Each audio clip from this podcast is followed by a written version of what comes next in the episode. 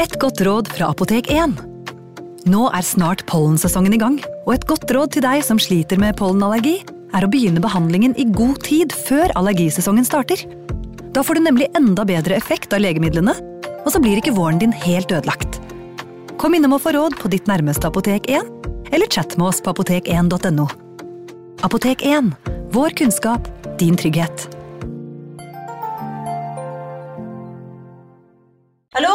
Jeg kommer fra Oslo politikammer. Ine Jansen er purk. Er du purk? The motherfucking bitch. Alt jeg vil, er å finne ut hva som skjedde med mannen min. Jon Carew. Er jeg sikta for noe? Iben Akeli. Det er du. Ole So, Lars Berrum og Big Daddy Karsten. Hvem sin side er du på, egentlig? Anette Hoff, Tone Danielsen, Kommer du fra Afrika? Jørnis Josef, Nesten. Kløfta. Trond Espen Seim, Det er synd å si det, men det var feil mann som døde. Purk. Premiere tirsdag på TV2 Play. Hei! Takk for at du lytter til True Crime Podden dokumentar. Skulle du ønske at du kunne høre en ny episode av denne podkasten hver eneste uke? Vel, da er det bare å laste ned podkastappen Untold med en gang. I tillegg til ukentlige episoder av podkaster som Skrekkpodden, Synderne og True Crime Podden, får du masse annet reklamefritt og eksklusivt innhold. Last ned Untold i AppStore eller Google Play, og start din 30 dagers prøveperiode i dag. En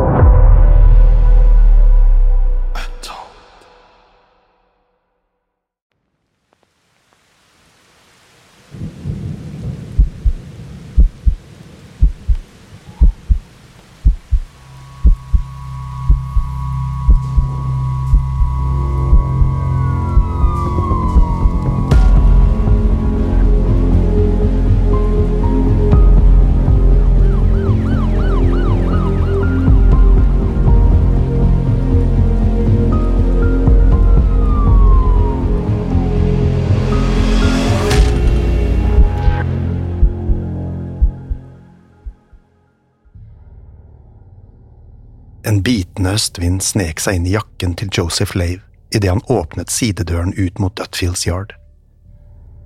Han tråkket ut i den mørke bakgården og svingte til venstre mot en åpen port som ledet ut til Burner Street. Her ble han stående og kikke ut i den rolige gaten, mens vinden pisket regnvann i ansiktet hans. Lave hadde tilbrakt kvelden på den jødisk-sosialistiske klubben han var medlem av. De pleide å ha møter hver lørdag kveld, hvor de diskuterte politikk og lyttet til energiske taler fra flere av Londons radikale sosialister. Som oftest endte møtene rundt midnatt. Da pleide de fleste å begynne på hjemveien, men noen få av dem ble som regel igjen og drakk sammen utover natten. Også dette møtet hadde endt med en sosial og avslappet sammenkomst. Klokken hadde blitt halv ett natt til søndag 30. september, da Lave hadde måttet trekke litt luft. En stund ble han bare stående der og lente seg på de åpne portene inn til Dutfields Yard. På den andre siden av gaten, og litt lenger nedover Burner Street, kunne han se og høre skrålende pubgjester. Lave smilte litt for seg selv og ristet på hodet. Da han hadde stått slik og tatt inn den kalde kveldsluften i ti minutter, snudde han seg og gikk tilbake inn i klubbens lokaler via sidedøren. Akkurat idet Lay var innenfor døren, rundet en annen mann hjørnet fra Burner Street inn bakgården. Maurice Eagle var også medlem av klubben, men hadde måttet følge en kvinne hjem før han kom tilbake for å delta på festlighetene. Eagle snudde seg også mot de høylytte pubgjestene på den andre siden av veien, før han spankulerte rett inn den samme sidedøren som Lave. 20 minutter senere, ganske nøyaktig klokken ett, hørtes lyden av hestehover og kjerrehjul nedover Burner Street. I lyset fra gatelyktene kom hesten til syne. På kjerren, som fulgte like bak, satt en kusk og myste for å se gaten foran seg gjennom styrtregnet. Da han fikk se det store skiltet med teksten International Working Men's Educational Club, trakk han forsiktig i tøylene for å roe hestens gange. Kuskens navn var Louis Deemschutz, og han var bestyreren på klubben. Sammen med en rekke andre radikale jødiske sosialister hadde han kjøpt eiendommen og bodde selv i andre etasje sammen med kona si. I ukedagene drev Deemschutz klubben, som også hadde en privat pub for medlemmene. men i helgene var han nødt til å reise inn på Londons mange markedsplasser hvor han solgte hjemmelagde smykker. Etter en lang dag på markedet var Deemschutz klar for å stupe i seng, men han visste at klubben kom til å være full av medlemmer som ikke kom til å ville dra hjem. Han sukket litt, før han svingte hesten sin inn i det trange smuget i Dutfields Yard. Akkurat idet hesten kom på innsiden av porten, skjenet den plutselig sterkt til venstre. Det var som den hadde reagert på noe i skyggene. Deemschutz, som hadde gitt hesten lang tøyle slik at den skulle få strekke på nakken, måtte rykke til for at ikke beistet skulle fare av sted nedover bakgården. Da han hadde fått roet hesten litt ned, tok han sjansen på å klatre ned fra kjerren. Han følte seg fram til hestens hode og strøk den beroligende over manen. I mørket kunne han ikke se hva som hadde skremt den. Dimschutz kikket ned der hesten hadde hoppet til side, men kunne ikke se noe som helst. Eller var det en mørk bylt der nede ved porten? Han nærmet seg forsiktig, mens han trakk frem en bunt fyrstikker fra jakkelommen. Hendene hans skalv av kulde mens han fisket ut en pinne og strøk den fort mot murveggen. Den gule flammen sprang til liv og gjorde det først vanskelig for Deemshoots øyne å venne seg til lyset. Han huket seg ned og nærmet seg stedet der han hadde sett bilten. Han holdt fyrstikken opp foran seg, mens han fulgte en mørk stripe som snodde seg bortover brosteinen. Plutselig traff lyset fra den lille flammen noe på bakken foran ham. Deemshoot skvatt til, så han mistet fyrstikken. Før alt ble mørkt igjen, hadde han sett hva som hadde skremt hesten. Liggende på siden, med ansiktet mot murveggen, lå det en kvinne. Den mørke stripen han hadde fulgt, kom fra under kvinnens hals, og det var blod. Omtrent tre uker var gått siden liket av 47 år gamle Annie Chapman var blitt funnet i en bakgård i Hanbury Street. Politiet hadde fremdeles ikke kommet noen vei i etterforskningen. Det fantes verken spor å gå etter, eller noen nye beviser som kunne knytte enkeltpersoner til de to foregående drapene. Det var til tross for at en kvinne som het Elizabeth Long, mente å ha sett Annie sammen med en ukjent mann kun minutter før drapet. Det hjalp ikke stort, da Long ikke hadde sett mannens ansikt, men kun hørt stemmen hans. Det var så godt som umulig å finne en ukjent mann i en bydel som Whitechapel. Området var så overbefolket og så fullt av kriminelle at det hele virket håpløst. Etter de to uoppklarte og brutale drapene i bydelen hadde lokale politistyrker bedt om assistanse fra høyere hold i London Metropolitan Police. Den Scotland Yard sendte, var en av Londons mest erfarne etterforskere, politiinspektør Frederick Abeline.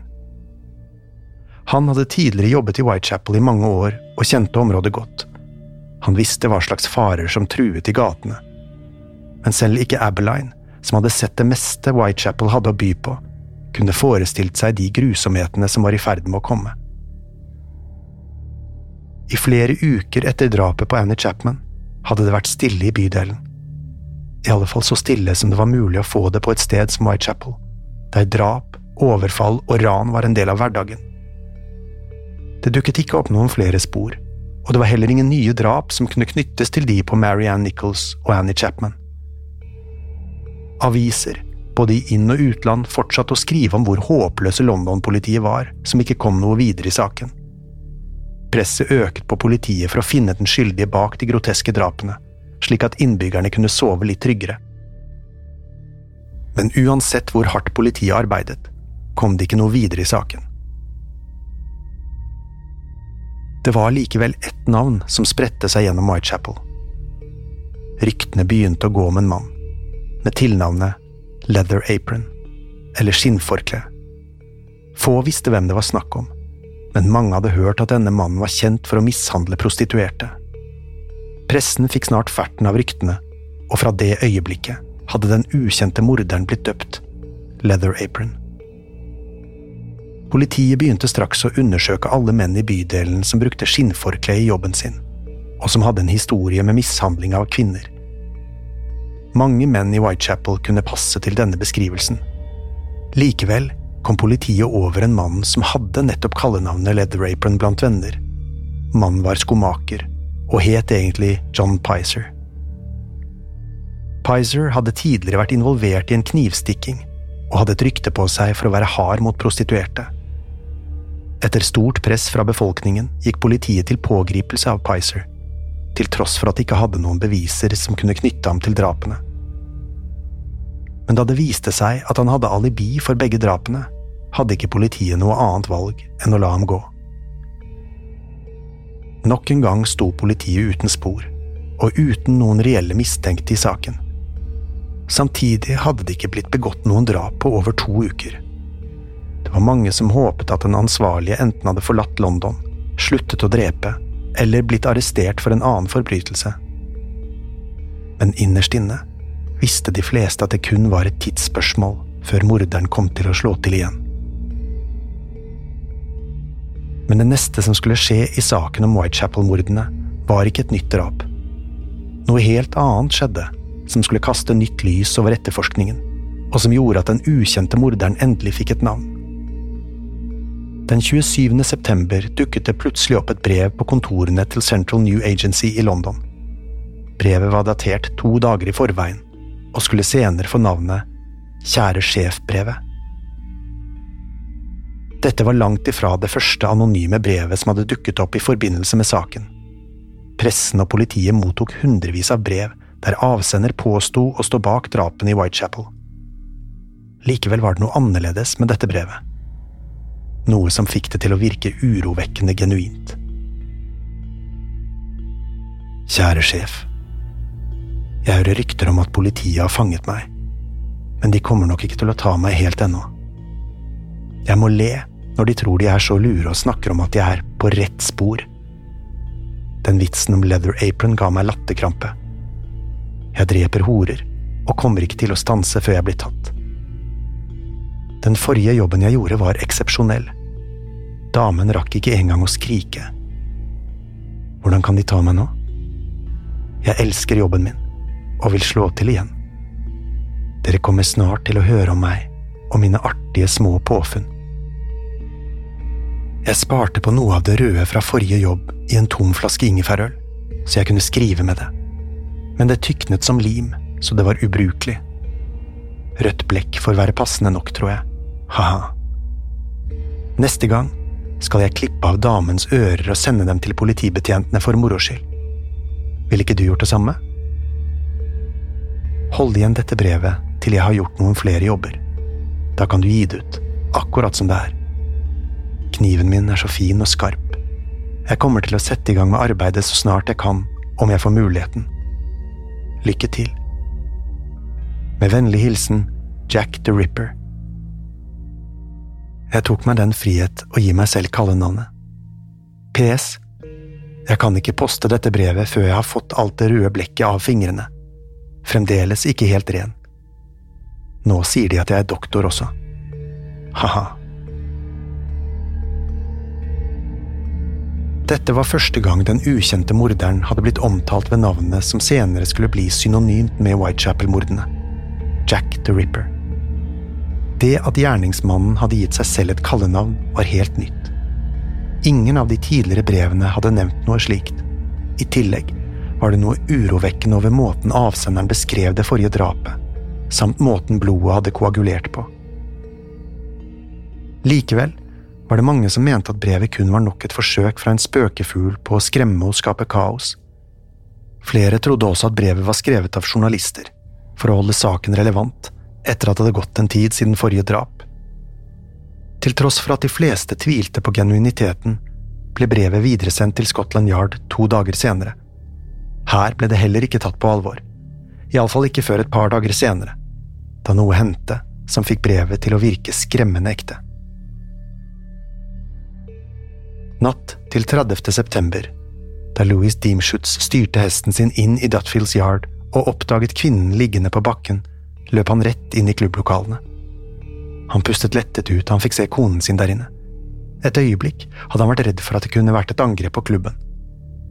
Han fortalte de andre medlemmene hva han hadde funnet, og alle fulgte med ut i bakgården. De stimlet sammen rundt kvinnen. En av mennene dyttet litt i henne og spurte om de var sikre på at hun var død, og ikke bare hadde sluknet etter for mye alkohol. Deemschutz pekte på den lille bekken av blod som fløt fra kvinnens halsregion, innover i mørket av bakgården. Så ristet han stille på hodet. De ble enige om at de var nødt til å flytte på henne. Kvinnen lå på siden, med ansiktet vendt inn mot veggen så de ikke kunne se henne skikkelig. Da de rullet henne over på siden, fikk de se grunnen for den store oppsamlingen av blod. Et dypt kutt prydet kvinnens hals slik at hodet nesten falt av skuldrene. Gruppen trakk seg litt tilbake og betraktet den døde kvinnen. Snart ble de enige om at de måtte finne en politibetjent og få meldt ifra om det de hadde funnet. Deemschutz, Eagle og Lave satte av gårde i hver sin retning, på leting etter noen som kunne hjelpe. Imens ble resten av gruppen stående igjen og holde vakt i det trange smuget. Flere politibetjenter ankom stedet kort tid senere, ifølge med to rettsmedisinere. Mens betjentene begynte å skifle skuelystne bort fra området, satt doktorene i gang med å undersøke liket. De la med det samme merke til det dype kuttet i halsen hennes, og strømmen av blod nedover brosteinen. Det ble ikke umiddelbart sett en sammenheng mellom dette drapet og de som hadde blitt begått tidligere. I motsetning til den ukjente morderens tidligere ofre hadde ikke den drepte kvinnen noen andre skader. Ingen snitt var gjort i kvinnens mageregion, og ingen organer manglet. Det var i det hele tatt lite som tydet på at dette var koblet til drapene på Marianne Nichols og Annie Chapman. Det de allikevel kunne konkludere med, var at kvinnen hadde tatt sitt siste åndedrag kun minutter før hun var blitt funnet av Deemschutz. Kvinnen ble snart identifisert som 44 år gamle Elizabeth Stride, og skulle bli det eneste av Jack the Rippers ofre som ikke var født britisk. Elizabeth var nemlig originalt fra Sverige. Hun ble født i Göteborg 27. november 1843 og var datter av en bonde som het Gustav Eriksson og hans kone Beata Karlsdotter. Etter at hun hadde flyttet hjemmefra som ung voksen, hadde hun begynt å arbeide som tjenestepike i sentrum av Göteborg. Men da dette ikke ga avkastningen hun hadde sett for seg, ble hun nødt til å ty til prostitusjon. Det var enda en ting som skilte Elizabeth fra Jack the Rippers andre ofre. Mens Marianne og Annie var blitt tvunget til å selge sex etter mislykkede ekteskap, valgte Elizabeth å gå inn i prostitusjon i tidlig alder. Tidlig i 20-årene hadde Elizabeth blitt gravid med en av kundene sine, men da barnet ble født, i april 1865, viste det seg å være dødfødt. Etter dette bestemte hun seg for at hun var nødt til å prøve lykken andre steder. Derfor reiste hun fra Sverige og emigrerte til London i 1866. Til folk hun møtte, ga hun to ulike forklaringer på hvorfor hun flyttet. Den første var at hun hadde fått tilbud om en jobb som husholderske hos en rik herre i nærheten av Hyde Park. Den andre var at hun hadde besøkt familie i London og bestemt seg for å bli værende. Hva hun egentlig foretok seg i London de første årene, er usikkert. Men det ble sagt at Elizabeth brukte mye av tiden sin på å lære seg både engelsk og jiddisch. I mars 1869 giftet hun seg med en snekker som het John Thomas Stride. Sammen flyttet de til East End, hvor de åpnet en liten kaffebar i strøket Poplar. Samtidig fortsatte John å arbeide som snekker, for å forsørge seg selv og Elizabeth. En stund kunne det virke som om paret hadde det godt sammen. Men ettersom årene gikk, begynte ekteskapet å falme. Elizabeth og John fikk aldri noen barn, og de hadde lite til felles. Dermed begynte interessen mellom dem å dabbe av, og innen 1877 hadde de funnet ut at de ikke lenger ønsket å være gift. Derfor solgte de kaffebaren de eide sammen, og skilte seg. Elizabeth, som ikke hadde noen andre steder å dra, flyttet inn på et losjihus i Flower and Dean Street i Whitechapel. Her livnærte hun seg av prostitusjon, samt at hun tok på seg syjobber og renholdsoppdrag fra tid til annen. I tillegg fikk hun støtte fra den svenske sjømannskirken i London om det skulle knipe. Over de neste ti årene begynte Elizabeth å slite med tung alkoholisme. Hun ble stadig arrestert og bøtelagt for å være overstadig beruset i gatene. Innen 1888 var hun havnet i en dyp depresjon, hvor hver dag var en kamp for å overleve.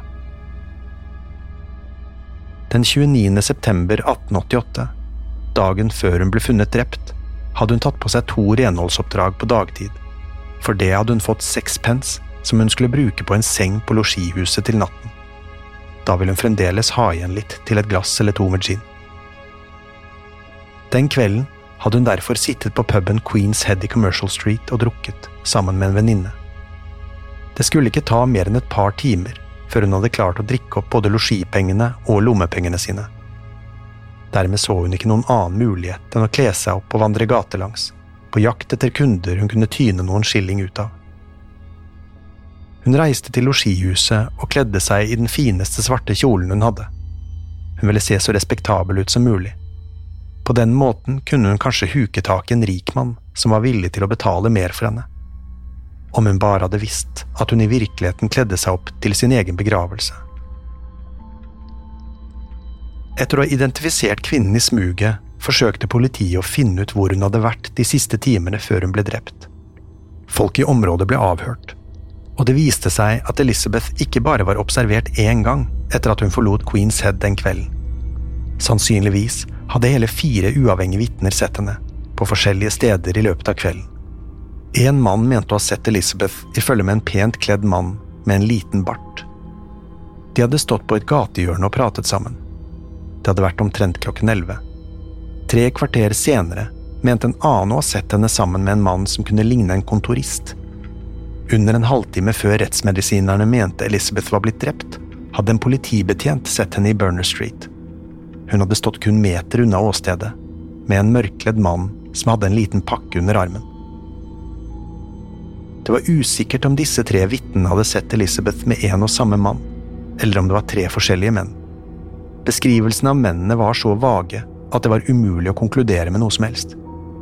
Det var likevel et annet vitnesbyrd som skilte seg ut fra de andre. Omtrent klokken kvart på ett hadde en mann ved navn Israel Schwartz vandret nedover Burner Street. Han hadde holdt seg på høyre side av gaten, den samme siden som porten til Dutfields Yard lå på. Idet han nærmet seg porten, fikk han se en mann og en kvinne som sto i åpningen. Plutselig hadde mannen tatt tak i kvinnens arm og kastet henne hardt i bakken. Schwartz hadde hørt kvinnen skrike, men ikke spesielt høyt. Der og da hadde Schwartz trodd at det var en krangel mellom mann og kone, og han ønsket ikke å blande seg. Derfor krysset han raskt veien, slik at han kom lengst mulig unna det kranglende paret. Han stirret stivt fremfor seg og latet som om han ikke så det som foregikk. Gjennom regnet fikk han øye på en mann like foran seg. Mannen sto utenfor puben, på hjørnet av Burner Street, og tente pipen sin. Plutselig hadde den aggressive mannen på den andre siden av gaten snudd seg mot Schwartz og piperøykeren og ropt navnet Lipski. Det hadde vært som piperøykeren reagerte, og begynte å følge etter Schwartz nedover gaten. Schwartz så seg tilbake flere ganger og begynte å sette opp farten. Men da han snudde seg for femte gang, hadde mannen svingt inn en sidegate og forsvunnet. Politiet var sikre på at Schwartz hadde sett den ukjente morderen, like før han tok livet av Elizabeth. I tillegg mente de at morderen måtte ha en medsammensvoren i piperøykeren, Lipski men politiinspektør Aberline hadde en ganske annen teori. Navnet Lipski var nemlig kjent i Whitechapel fra før av. Aberline visste at en jødisk mann som het Israel Lipski, hadde blitt dømt for drap i Whitechapel så sent som året før. Ironisk nok hadde drapet blitt begått i parallellgaten til Burner Street. Etter drapet hadde en ny antisemittisk bølge skylt over bydelen, og navnet Lipski hadde blitt et skjellsord mot alle jøder. Ifølge Aberline skulle Schwartz ha hatt et typisk jødisk utseende. Derfor mente han at morderen kunne ha ropt etter Schwartz, og ikke til piperøykeren. Ifølge Aberlines teori var mannen med pipen kun en uskyldig tilskuer, og hadde sannsynligvis blitt like skremt som Schwartz ble. Da politiet sammenlignet tidspunktene for alle observasjonene, samt likets tilstand da det ble oppdaget, kom de frem til en urovekkende teori. Hvis dette var den samme morderen som hadde tatt livet av de to foregående ofrene, hvorfor hadde han da et nytt modus operandi? Hvorfor hadde ikke Elizabeth blitt buksprettet og operert på, slik som de andre kvinnene? Politiinspektør Abeline hadde en teori for dette også, som fikk de andre etterforskerne til å grøsse. Hva om morderen ble avbrutt, akkurat idet han skulle til å mutilere den døde kvinnen? Aberline mente at lyden av Louis Deemschutz og hesten hans kunne ha skremt morderen, og at han ikke hadde rukket å gjøre de vanlige inngrepene. Det fantes kun én vei ut av Dutfields Yard, og det var porten som Deemschutz hadde kommet gjennom. Dermed mente Aberline at det var stor sannsynlighet for at morderen fremdeles var i bakgården da liket ble oppdaget, gjemt i skyggene. Om Deemschutz hadde sett seg rundt med fyrstikken, ville han kanskje møtt blikket til verdenshistoriens mest beryktede seriemorder. Da Deemschutz løp inn i klubblokalene for å varsle de andre medlemmene om hva han hadde funnet, kunne morderen ha sett sitt snitt og lagt på sprang ut av bakgården. Jack the Ripper hadde unnsluppet med kun marginer og var mest sannsynlig blitt sett midt under angrepet på Elizabeth. Men nå vandret han gatelangs i Whitechapel i sinne og frustrasjon. Han hadde ikke fått tilfredsstilt sin makabre avhengighet. Kvinnen var død, men dette var ikke tilstanden han ville forlate liket i. Han ble nødt til å finne et nytt offer. Et som han ville få god tid til å operere på, og som skulle overgå alt han hadde gjort hittil. Mens han vandret østover, kikket han opp på klokketårnet på St. Botolph Oldgate kirke. Det var ikke uvanlig at prostituerte sto der og lokket til seg forbipasserende menn. Kun 15 minutter etter at han hadde stukket av fra Dutfields Yard, traff Jack the Ripper en ny kvinne, i nærheten av Mitre Square. Hun skulle bli hans andre offer for kvelden, og denne gangen skulle alt gå etter planen. Denne gangen skulle han ikke bli avbrutt.